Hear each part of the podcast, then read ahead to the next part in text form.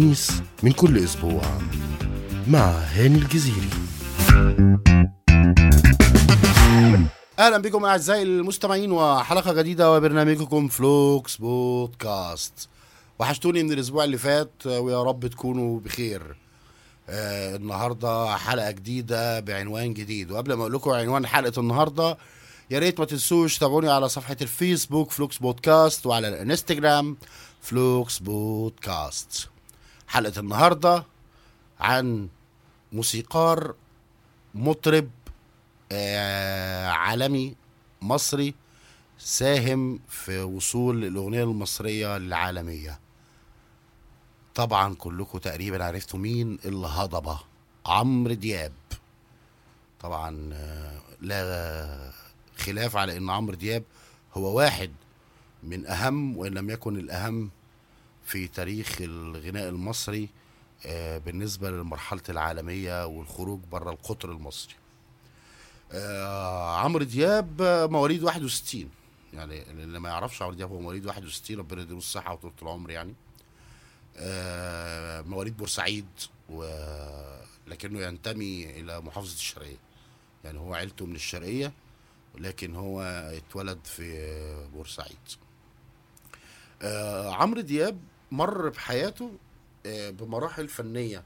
يعني حياته الفنية كانت ما قبل وما بعد ما قبل 2000 وما بعد 2000 ما قبل سنة 2000 وما بعد سنة 2000 بداية من سنة 83 المرحلة الأولى تبدأ 83 تنتهي في 2000 في عمرو دياب آه، الفنان ال- الجميل كان آه، اللي ما يعرفوش يعني إن هو خريج المعهد العالي للموسيقى العربية. دخل المعهد آه، سنة 82 آه، وهو طالب في المعهد في سنة تانية. آه، سمعوا طبعا العظيم الموسيقار الكبير هاني شنودة. فعمل له أغنية من كلمات هاني زكي الشاعر طبعا العظيم هاني زكي وألحان وموسيقى هاني شنودة. كانت أغنية اسمها الزمن. آه، نجحت الأغنية دي نوعا ما. وبعد كده آه، راح مسجل في نفس السنة آه، ألبوم الأول ليه. طبعا كل العمروية عارفين أول ألبوم ليه ألبوم يا طريق. ده بدأ في سنة 83 وكان الألبوم ده قدر إن هو يدي بوش لعمرو دياب إنه يسجل في السيزون اللي بعده سنة 84 ألبومه التاني اللي كان فيه أغنية من قلبك. آه، طبعا الناس اللي بتسمع القديم عارفين قوي أغنية آه، الألبوم وأغنية من قلبك يعني. عشان إيه؟ يجي للسنة الثالثه على التوالي يعمل ألبوم الثالث ليه كان اسمه ألبوم يا حلوة. آه وده كان يعني إن, إن مع بدايته من 83 ل 84 85 آه ثلاث ألبومات في ثلاث سنين ورا بعض. ده كان دليل على إنه ناجح. ناجح جدا مش ناجح بس ناجح جدا. في ظل منافسة قوية في التوقيت دوت كان موجود منير موجود علي حميدة موجود أسامي يعني أسامي كتير. يعني أنا مش عايز أنسى حد يعني. آه هاني شاكر طبعا أمير الغناء العربي كان موجود. محمد ثروت موجود. آه لسه الناس القدام كانت موجودة. محرم فؤاد كان موجود بيغني. ففي زخم من المطربين. اللي كانوا موجودين في الفترة دي فهو إنه ينجح في ثلاث ألبومات في الفترة دي وهو لسه طالب في المعهد ده كان نجاح ملفت. آه لحد ما نوصل لسنة 86 آه بيتخرج عمرو دياب من المعهد العالي للموسيقى العربية ويعمل ألبوم هلا هلا اللي هو عارفينه والحمد لله على السلامة هلا يا هلا اشتقنا ليكم ياما وكده. و... وده اللي غناه في أول فيلم والاول مرة يظهر عمرو دياب في فيلم كان فيلم السجينتان للفنانة إلهام شاهين فنان سماح أنور أستاذ يوسف شعبان يوسف شعبان. آه وطلع بيغني في ال في ال في الفيلم أغنية هلا هلا اللي هي الحمد لله على السلامة هلا يا هلا اشتقنا ليكم ياما وكده يعني. آه 87 راح مقدم للناس آه ألبوم اسمه خالصين. خالصين. كان بداية ب- لشكل جديد لعمرو دياب وبداية تقل على أرض الواقع. كان بدأ يتقل يعني يبقى تقيل مطرب تقيل. بدأ سنة 83 وبعد أربع سنين 87 بيقدم ألبوم تاني وده كان رابع ألبوم ليه. والغريب إن في نفس السنة 87 دي قبل ألبوم خالصين كان مقدم ألبوم آه والألبوم ده وقتها يقال عنه كان ألبوم غير رسمي. آه بس هو ألبوم نزل كده يعني. كان اسمه آسف لا يوجد حل آخر. آه وبرضه حقق نجاح لا بأس به يعني. آه تيجي بقى سنة 88 88 دي آه فيها حاجات كتيرة قوي فرقت في تاريخ عمرو دياب.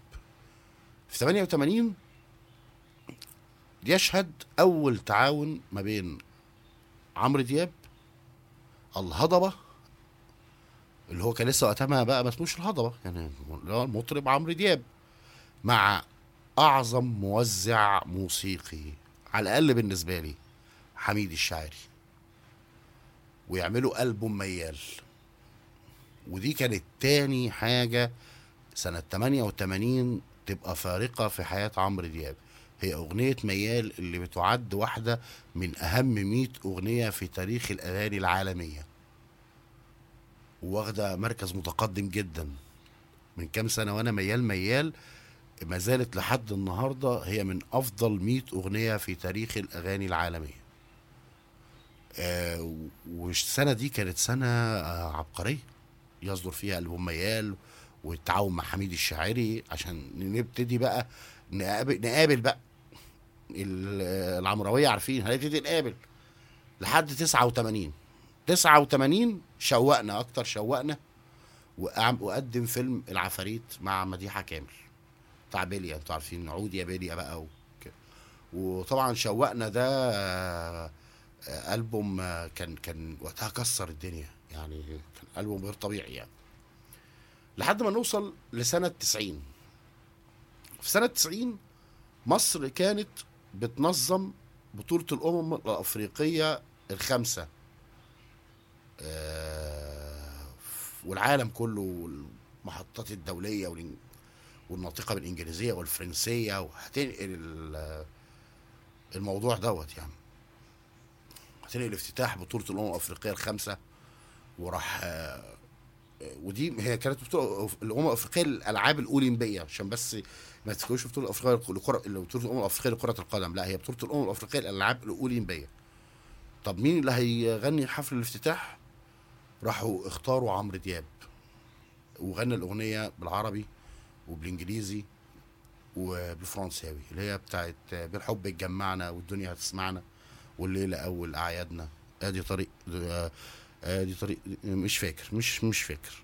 يعني آه، فكانت آه، اختيار عمرو دياب إنه يغني حفل افتتاح بطولة الأم الأفريقية للألعاب الأولمبية اللي نقلتها كل السي ان ان اللي نقلها آه، أمريكا الشمالية كلها اتفرجت عليها أمريكا الجنوبية معظم أفريقيا جزء كبير من أوروبا الدول الناطقه بالفرنسية آه، كل الناس دي اتفرجت عليها. ودي كانت آه، قوية جدا أو أو أو سوري يعني نقلة قوية جدا جدا جدا جدا جدا. وفي نفس السنة دي بيطلع يعني شوف النجاح في 90 إن عمرو دياب بيغني ال ال الافتتاح بطولة الأمم الافريقيه للالعاب الأولمبية والعالم كله يتفرج عليها. يوم في نفس السنة دي يصدر له ألبوم ما تخافيش. آه الألبوم ده طبعا ده ليه قصة. وكانت أغنية ما تخافيش اتعمل لها فيديو كليب وتصور آه الفيديو كليب آه جوه بيت عمرو دياب. وطبعا شاركت في الكليب الفنانه العظيمة واللي كانت زوجته وقتها شيرين رضا. آه إحنا هنا وصلنا لسنة 90 فشوف بقى من 83 لحد 90 في سبع سنين كم من النجاحات ده قدمه فنان بورسعيدي شرقاوي الأصل اسمه عمرو دياب اكتشفه هاني شنودة. هطلع فاصل وارجع أقول لكم إيه اللي حصل من بعد سنة 90 ومش هتأخر عليكم. فاصل وراجع لكم.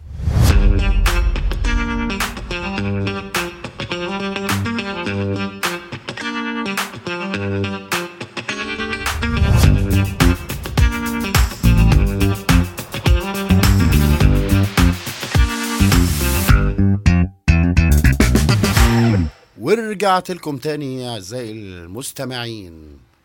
كنا اتكلمنا في الفصل الأولاني عن تاريخ الهضبة عمرو دياب بداية من دخوله المعهد العالي للموسيقى العربية سنة 82 وصدور أول ألبوم وأول أغنية ليه في 83 لحد ما وصلنا لبطولة الأمم الأفريقية للألعاب الأولمبية سنة 90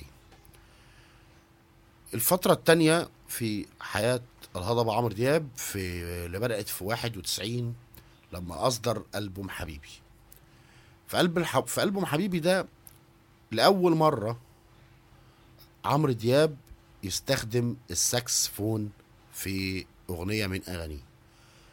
وكان الألبوم ده إنتاج شركة صوت الدلتا. وحقق نجاح لا بأس به. عشان نروح ل 92 عشان نسمع ألبوم أيامنا. هنلاقي فين أيامنا اللي من توزيع العملاق حميد الشاعري. آه الألبوم ده كان فيه أغنية مهمة جدا جدا جدا اللي هي أغنية ما بلاش نتكلم في الماضي. الأغنية طبعا اللي ما فيش حد في مصر ما يعرفش ما بلاش نتكلم في الماضي. الماضي ده كان كله جراح. وفي نفس السنة دي 92 دي اصلها كانت مليانة حاجات كتيرة إن هو بيتعاون فيها مع بيوزع له الألبوم بتاع حميد الشاعري بيصدر ألبوم أيامنا ألبوم مهم جدا. بيغني فيه أغنية آه، ما بلاش نتكلم في الماضي. وفي نفس السنة في 92 بيقدم فيلم آيس كريم في جليم. مع سيمون وعزت أبو عوف آه، وحسام حسني أشرف عبد الباقي جان فاضل والموسيقار حسين الإمام علي ولي الدين رحمة الله عليه وإخراج العملاق خيري بشارة. وعمل في نفس السنة ودي كانت أول مرة يعمل ألبومين. ورسميين. يعني قبل كده كان عمل ألبومين واحد رسمي واحد مش رسمي لكن المرة دي هو بيقدم البومين رسميين ألبوم أيامنا وألبوم بيتضمن أغاني فيلم آيس كريم في جليم. وهنا كان بدأ عمرو دياب بقى يبقى بينزل له ألبومين في السنة وعادي مطرب مش مش قليل يعني. في 93 بيقدم ألبوم يا عمرنا. خلي بالك بقى من الأسامي اللي أنا هقعد أقول ألبوماتها دي بقى. يعني أسامي الألبومات دي بقى آه، بص بقى كل سنة بيبقى إيه؟ ففي 93 راح مقدم يا عمرنا. يا عمرنا ده أثبت إن عمرو دياب ليه شعبية كبيرة وجماهيرية آه لما نزل أغنية في اللي كانت في الألبوم آه، أغنية كان عندك حق تدوب وترق وت... آه، يعني الأغنية دي مصر كلها سمعتها. يعني كانت أغنية ناجحة نجاح غير طبيعي.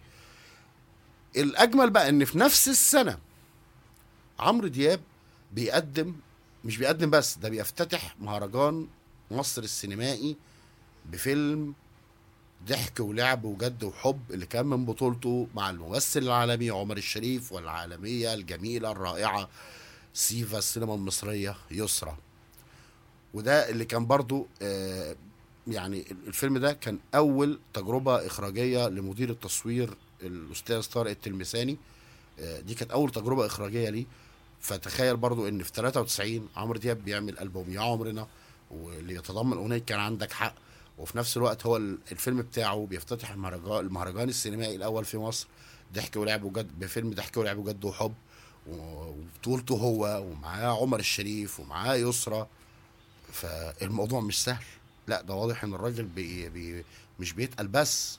ده ده بي بيقف على على أرض صلبة وبقدم قوية يعني. في 94 بيقدم لنا ألبوم ويلوموني. يعني وي- ويلوموني بقى. والأول مرة نسمع في أغاني عمرو دياب ال Spanish guitar أو الجيتار الأسباني بيلعب في أغانيه. وبرضه في نفس السنة بيصدر لعمرو دياب ألبوم ذكريات اللي هو فيه الأغاني بتاعه فيلم ضحك ولعب وجد وحزن. وتبقى كده دي تالت مرة يصدر لعمرو دياب تصدر للهضبة ألبومين في سنة واحدة ومعاهم فيلم. يعني مش مش ألبومين بس لا هو ألبومين وفيلم. يبقى مرتين صدر له ألبومين وفيلم ومرة صدر له ألبومين. آه 95 آه ده بقى كان في ألبوم أنا بعتز بيه جدا يعني اللي هو ألبوم راجعين. آه وده كان إنتاج صوت الدلتا وألبوم راجعين من الألبومات اللي حسستنا بقى إن إحنا في واحد عالمي معانا. الراجل ده مش آه، مش مطرب بس. لا مش مطرب بس. لا لا لا الراجل ده مطرب عالمي. حاجة كده تقالة كده. يعني آه، حاجة ريكي مارتن في نفسه. يعني إحنا شايفين حد في العالمية قوي يعني. فيسكت بقى عمرو دياب؟ لا.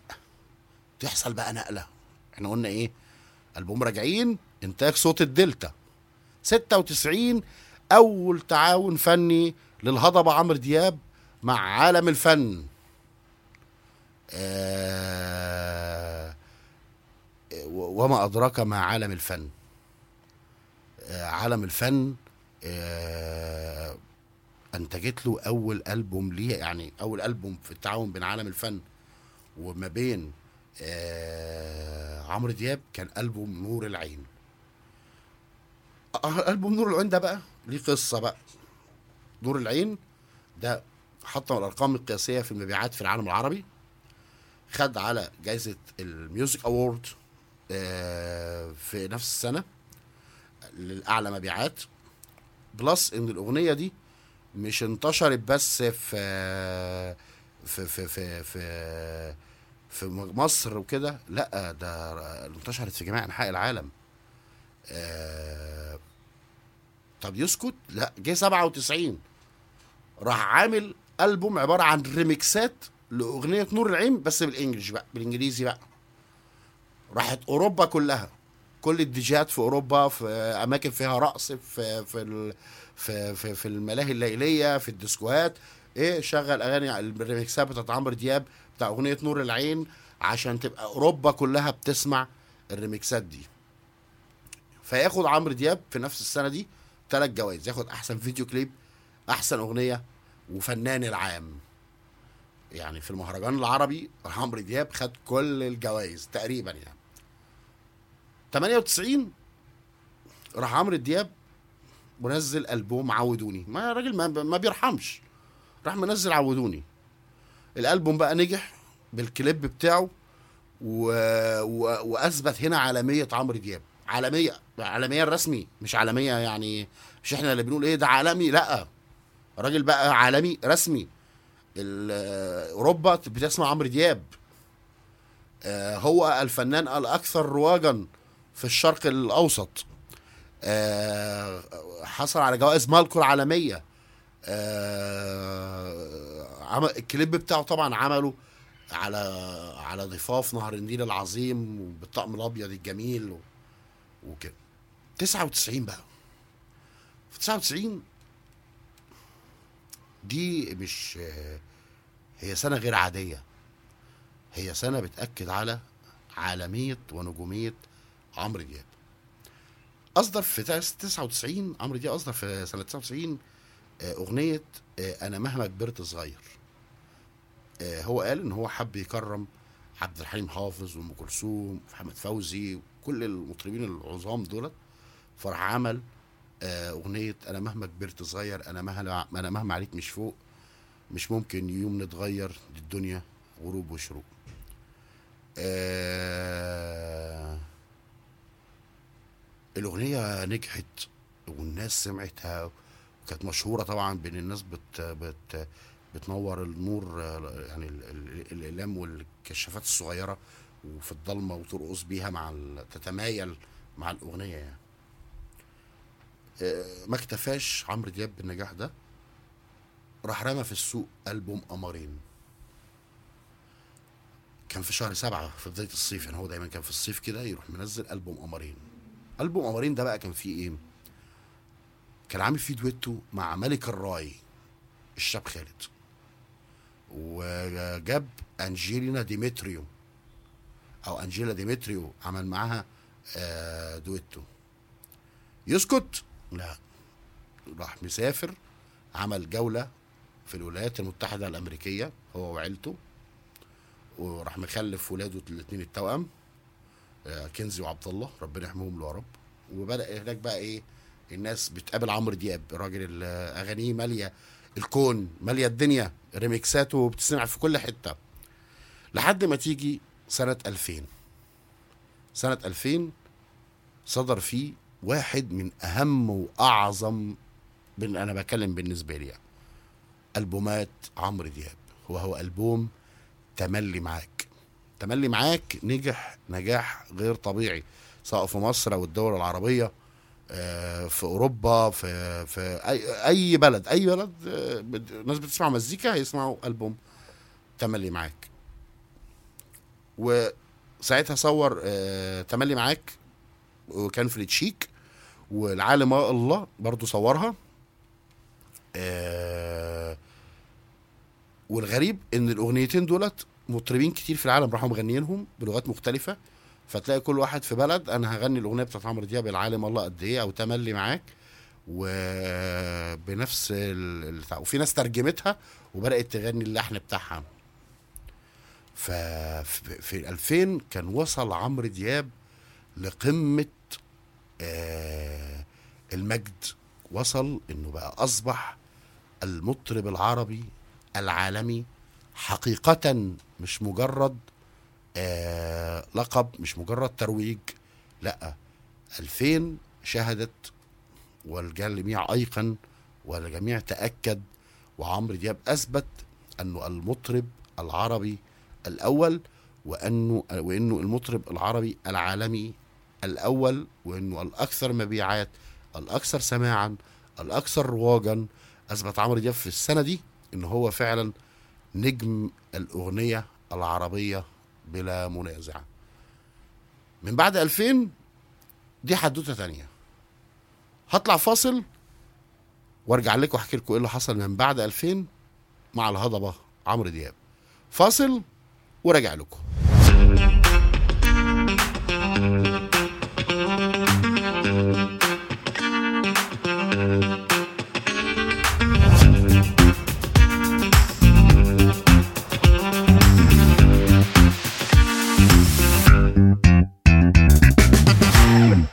ورجعت لكم تاني أعزائي المستمعين. طبعا الفقرة اللي فاتت اتكلمنا على تاريخ عمرو دياب من 91 لحد 2000 وإنه في الفترة دي تعاون مع كانت في نقلة من بعد صوت الدلتا تعاون مع تعاون مع عالم الفن محسن جابر وبعدين أثبت لحد سنة 2000 إن هو المطرب العالمي العربي الأول بلا منازع. المرحلة الأخيرة هي مرحلة الألفينات. عمرو دياب في 2001 قدم كليب القدس اللي هو القدس دي أرضنا والحق من حقنا وخد عليها أفضل فيديو كليب وكان طبعا من إخراج الأستاذ شريف صبري. وده نفس السنة اللي كان فيها الألبوم أكتر واحد بيحبك واتعمل فيه كليب بتاع حبيبي ولا على باله. و- وصوروا طبعا في لندن. عمرو دياب غالبا كل أغانيه صورها بره لندن أمريكا تشيك يعني في أوروبا وأمريكا يعني. اغنيه حبيبي ولا على باله. دي آه، كانت أغنية جديدة من نوعها. هي عبارة عن مزج ما بين آه، موسيقى التكنو والموسيقى الشرقي. وطبعا آه، كان معاه الرابر ساند مان في الأغنية. وبعدين في 2002 عمرو دياب ما أصدرش ألبوم. تخيل. وصلت قوته على الأرض وشعبيته وقوته الفنية إنه في 2002 ما بيقدمش ألبوم. بالعكس عمرو دياب راح السنة دي قضاها حفلات. مصر بقى لبنان الكويت و وبرضه وفي نفس السنة في شهر مارس خد ال Music Award آه كافضل أكتر فنان عربي والأكثر رواجا في في العالم والشرق الأوسط. آه ودي كانت آه الجائزه دي كانت فارقة في حياة عمرو دياب كانت فارقة جدا. لحد ما ابني ل 2003 آه يصدر ألبوم اسمه علم قلبي آه ويطلب عمرو دياب إنه يلف الخليج بقى. فيروح يحيي مهرجان دبي للتسوق عمان وبعدين يجي يعمل حفلة شرم الشيخ وبعدين يطلع على الاردن مارينا دمشق. والسنة دي ما كانتش سنة ألطف حاجة في علاقة عمرو دياب بعالم الفن. آه، حصل خلاف في 2003 ما بين الهضبة عمرو دياب والمنتج الكبير أستاذ محسن جابر ويحصل مشاكل ما بينهم ويقرر يقرر هنا إن الانفصال. يعني الشركة وعمرو دياب بيقرروا الانفصال وتنتهي علاقة عمرو دياب بعالم الفن. في 2004 بيفاجئنا عمرو دياب كلنا بتوقيع عقد مع مين بقى؟ مع روتانا.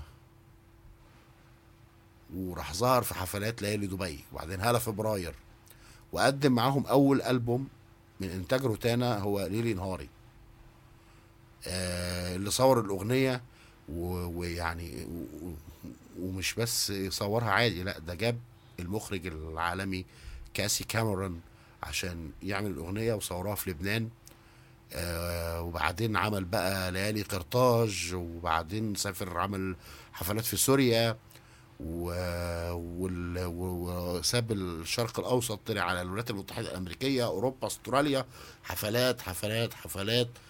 ما شاء الله يعني بتثبت عالمية وجماهيرية عمرو دياب. في 2005 عمرو دياب أصدر ألبومه متأخر. كان ألبوم كمل كلامك.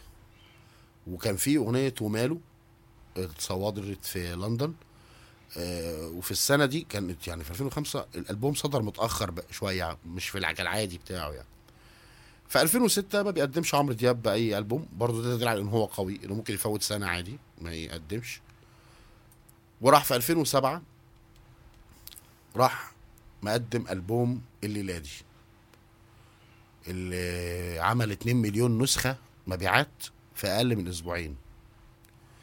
وراح مصور أغنية نقول إيه في الولايات المتحدة الأمريكية. وكانت من إخراج مروان حامد يعني بال عشان يعني للتذكير يعني. آه، وظهرت معاه في الكليب كانت الموديل مين بقى؟ مش مش موديل ده جايب ممثلة ده جايب مين؟ ناتالي مارتينيز بتاعت مسلسل Fashion House يعني. وراح عمرو دياب بقى راح واخد جائزة الموسيقى العالمية عن الشرق الأوسط والعالم العربي للمرة الثالثة. يعني بقى هو المطرب العربي الوحيد اللي خد الجائزة دي ثلاث مرات. يعني ما حدش هيلحقه. أنا راجل بيقول صراحة يا جماعة ريحوا نفسيكم أنا نمرة واحد في الوطن العربي أنا نمرة واحد في الشرق الأوسط أنا المطرب العربي الأول عالميا. يعني كلام صريح مش محتاج تاويل 2009 وياه. اللي عمل مبيعات 3 مليون نسخة. وبياخد عمرو دياب ال African Music Award 2010 عمل ميني ألبوم. ثلاث أغاني بس. يعني يعني شفت الثقة؟ 2010 دي ثلاث أغاني. آه، ميني ألبوم كده يا جماعة عيشوا بيها السنة. يعني إيه؟ قضوا حياتكم السنة دي. أنا مش فاضي. فأنتوا إيه؟ ثلاث أغاني عيشوا بيهم. آه. وهقول لكم على حاجة آه. هاخد برضو عليهم جائزه ال African Music Award ده افتراء راجل في 2010 يعني في 2011 آه، في 2010 آه راح منزل ميني ألبوم اللي هو طبعا آه، أصلها بتفرق. آه ثلاث أغاني. بس وهاخد بيك جائزه ال African بيغني لوحده. يعني الراجل تحس إنه بيغني لوحده أنا باخد أي حاجة. أنا هنزل أغاني أنا. هنزل أغنية أنا اللي واخد كل حاجة. فيعني ما شاء الله عليه. يعني 2011 ثورة بقى والدنيا و... وراح الراجل راح منزل البناديك تعالى. ال- من أول ما صدر آه، هو محقق نجاحات كبيرة الالبوم من أول ما والدنيا ثورة وقلق ودنيا. هو أنا راحت أغنية بناديك بقت المركز الثاني على اليوتيوب كأعلى نسبة مشاهدة. آه، خد الألبوم الأعلى مبيعات عالميا مش محليا ولا شرق اوسطيا لا عالميا. فين بقى؟ على iTunes iTunes قال إن عمرو دياب هو الأعلى مبيعات عالميا. وراح مصور كليب بناديك. وصدر في نهاية السنة. 2012 عمرو دياب خلاص آه، خلاص الراجل وصل للمرحلة الهضبة. يعني فقرر إن هو يعمل أكاديمية لاكتشاف المواهب على اليوتيوب و... ويكتشف الناس والناس طبعا لو عمرو دياب قال ده حلو فدي حاجة يعني عمرو دياب قال عليك بتغني حلو دي خلصت يعني. وراح أصدر في السنة دي آه، أغنيتين كل أغنيتين سولو واحدة واسمها ورطيت والتانية وعايش معاك. في 2012 راح أطرح ألبوم الليلة آه كسر الدنيا. 2014 شفت الأيام آه والألبوم ده كان حاجة غريبة شوية.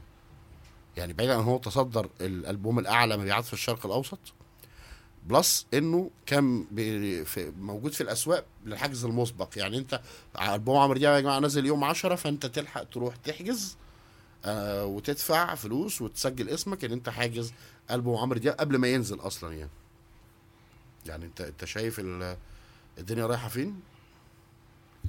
في 2015 ما بيقدمش ألبومات في 2016 بينزل ألبوم أحلى وأحلى وفي نفس السنة بينزل ألبوم آه، أسماء الله الحسنى وفي نفس السنة آه، في 2016 آه، عمل الألبوم أحلى وأحلى بس بقى نسخة الريميكسات يعني جاب ألبوم أحلى وأحلى راح عامله ريميكسات وراح طرحه تاني يعني عمل الالبوم طلع يعني نزل ثلاث ألبومات ألبوم أحلى وأحلى عادي بعد كده أسماء الله الحسنى بعد كده ريميكسات أحلى وأحلى. 2017 صدر لنا الفيديو كليب بتاع أغنية معاك قلبي آه، اللي هو طبعا من ضمن أغاني ألبوم أحلى وأحلى. آه، وده عمله في آه، قلعة محمد علي وكسر الدنيا برضه. 2017 آه، عمرو دياب بيعمل ألبوم اسمه معدي الناس. 2018 عمرو دياب بيقدم ألبوم كل حياتي. 2019 عمرو دياب بيقدم ألبوم أنا غير. آه، 2020 ألبوم سهران. كل ده عمرو دياب بيكسر الدنيا. عمرو دياب لحد 2020 رايح في يعني الراجل لوحده. يعني الراجل مش محدش بينافسه. هو عمال أنا أنا نمرة واحد أنا نمرة آه، محدش قدي أنا اللي بغني لوحدي. آه، أنا اللي آه، قادر إن أنا أسيطر على جماهير الجماهير. أنا اللي قادر آه، أقول أنا نمرة واحد. أنا اللي قادر أعمل أكاديمية وأختار. أنا اللي قادر أنا اللي قادر. عمرو دياب يا جماعة. يعني عمرو دياب. فعمرو دياب آه، أصبح أيقونة نجاح. آه، أيقونة نجاح للشباب. أيقونة نجاح على سنين بداية من 83 ل 2023 آه، نجاح ورا نجاح ورا نجاح إلى لحد الوصول للعالمية. عمرو دياب آه، آه، أصبح هو ال- الهدف لكل شاب إنه يقدر إنه يعني قدر إنه يحقق لكل شاب جوه جوه منه فكرة إنه يقدر إزاي ينجح. لأنه شاف آه، رحلة صعود عمرو دياب. من 83 ل 2023 وعمرو دياب بيثبت إنه مطرب مصري عالمي. عمرو دياب أثبت إنه قادر إنه ي... ي... نح- ان هو كمطرب مصري وعربي إنه يبقى على آه، نفس ال... ال... ال... الوتيرة العالمية إنه ينافس المطربين العالميين إن اسمه يتردد في المحافل الدولية في الحفلات في في أماكن ال... ال... ال... ال... ال... المخصصة للرقص وللسهر للمزيكا آه، ريميكسات عمرو دياب آه، ماليه أوروبا أمريكا آه، اسمه بيتردد ما ينفعش تقول في أوروبا أو في أمريكا أو أمريكا الجنوبية أو في أستراليا تقول اسم عمرو دياب وما يعرفوش مين عمرو دياب. فعمرو دياب هو أيقونة نجاح للشباب آه، هو محفز للشباب في النجاح. عمرو دياب صنع تاريخ كبير. عمرو دياب آه، قبل قبل 2000 حاجة وبعد 2000 حاجة. آه، قبل 2000 كان عمرو دياب بيقدم موسيقى بطابع مصري شرقي عربي. ممكن تتخيلوا يعني تتخيلوا بعض ال- ال- ال- التريكات ال- الغربي. من بعد 2000 و- وعمرو دياب مش كده دايما جيلنا هو بالنسبة له عمرو دياب آه، آه، من بتاع 83 لحد 2000 ده عمرو دياب النوستالجيا بتاعتنا. من بعد 2000 شكل المزيكا اتغير مع عمرو دياب. ما بقاش فيه بقى حميد الشاعري تاني ما بقاش فيه الواحدة ونص ما بقاش فيه المقسوم. آه، حتى لو بقى موجود بقى برضه بيتخللوا بقى الغربي بقوة. شكل تاني من المزيكا ما تعودناش عليه. لكن هذا لا يمنع إنه مازال يعني كان وما زال هو المطرب اللي قدر ياخد مصر آه، للعالم أو يعني لا مش ياخد مصر العالمية هو المطرب اللي قدر يصل للعالمية. آه، المطرب اللي قدر إن هو ي... ي... يقف في مصاف المطربين العالميين بأغاني قوية بأغاني الناس بتسمعها لدرجة إن يبقى في مطربين أجانب بيغنوا أغاني عمرو دياب أو بيترجموا أغاني عمرو دياب ويغنوها. آه، بقوا بيغنوها زي ما هو بيقولها. يعني حبيبي ولا على باله دي ياما ناس غنتها بره. فعمرو دياب آه، أسطورة لا يستطيع أن ينكرها أحد. لكن أنا هقول حاجة معرفش ممكن ما تعجبش كل الناس بس آه، إن كان عمرو دياب استطاع أن يصل إلى العالمية فاستطاع أن يصل إلى العالمية من خلال موسيقى تشبه موسيقى الغرب. حتى لو لو mix معاها ال- الشرقي حتى لو عمل ده. لكن من وجهة نظري آه الأسطورة ال King محمد منير هو الوحيد اللي قدر ينقل الهوية المصرية الطابع المصري للعالمية. آه الأمر مختلف. آه ممكن نقول إن عمرو دياب وصل للعالمية. هو شاطر أشطر حد في الدنيا وهو في مصر كان ناجح قبل ما يوصل للعالمية كان ناجح جدا وقدر يوصل للعالمية. آه بس ما نقلش الهوية المصرية. فهو هو ناجح هو ناجح. لكن الأيقونة المصرية آه من وجهة نظري هو محمد منير. محمد منير قدر إن هو زي ما قلت ينقل العالم ال- الهوية المصرية الطابع النوبي. آه العالم كله بدأ يسمع آه شكل مزيكتنا عامل إزاي. حتى لو جزء من البلد مش يعني يعني هو ما بيقولش مزيكة الوطن كله لكن أكيد جزء من بلدنا آه جزء من ثقافتنا آه هويتنا. آه فمحمد منير هو الهوية. وهو ال- ال- ال- الطابع المصري اللي وصل برضه للعالمية. ده لا يمنع إن الهضبة عمرو دياب آه، عالمي.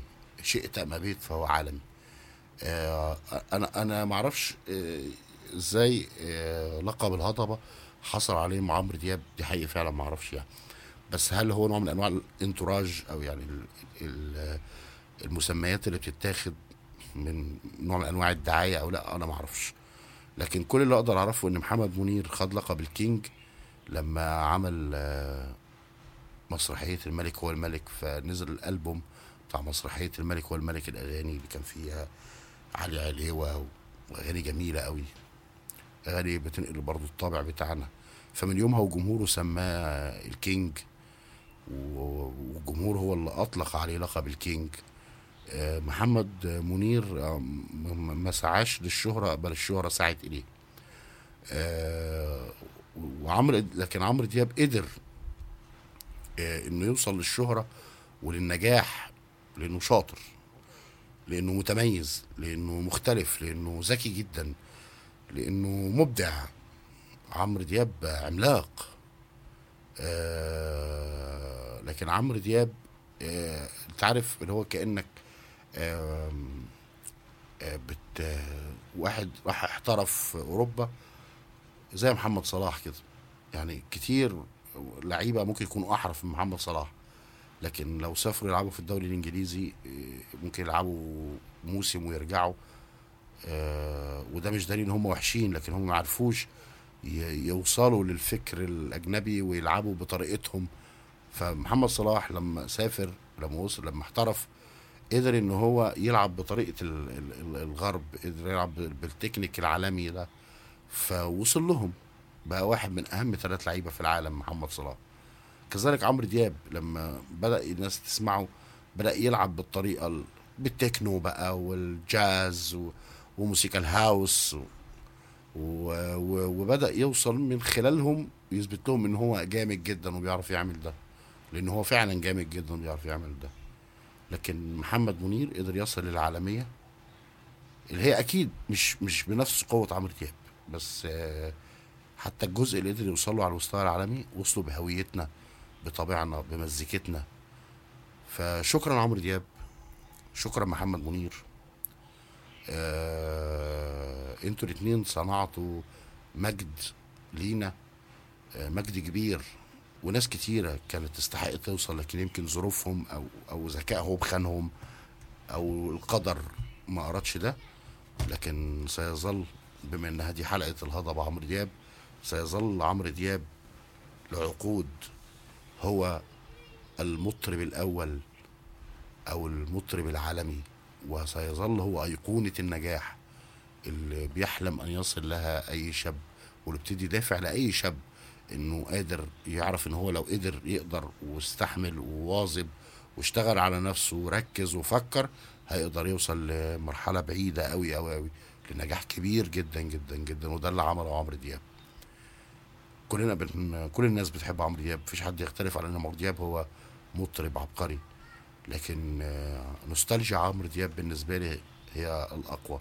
عمرو دياب ما قبل 2000 هو ال- اللي أنا وعيت عليه هو اللي أنا حبيت عليه هو اللي أنا آه، آه، ارتبطت بيه. آه، كذلك برضو هو محمد منير. لكن محمد منير بالنسبة لناس كتير من يوم ما بدأ لحد النهارده هو محمد منير. مفيش حاجة اتغيرت. ده بس اللي حبيت أقوله النهارده. أتكلم عن تاريخ عمرو دياب. وأقول إن عمرو دياب لما وصل للعالمية وصل للعالمية من خلال فن قدمه قدر الغرب يستقبله. لكن نجاح منير إنه قدر يقدم هويتنا وطبيعنا للغرب وقدر برضه يستقبله. فشكرا لعمرو دياب شكرا لمحمد منير شكرا للهضبة شكرا لل King وشكرا ليكم إنكم سمعتوني النهارده. وفي آخر الحلقة بحب أشكر كل حد بيسمعني وبرجع أفكركم. متنسوش تتابعوني على الفيسبوك فلوكس بودكاست وعلى الانستجرام فلوكس بودكاست. هستناكم الأسبوع الجاي. ما تنسوش وتصبحوا على خير.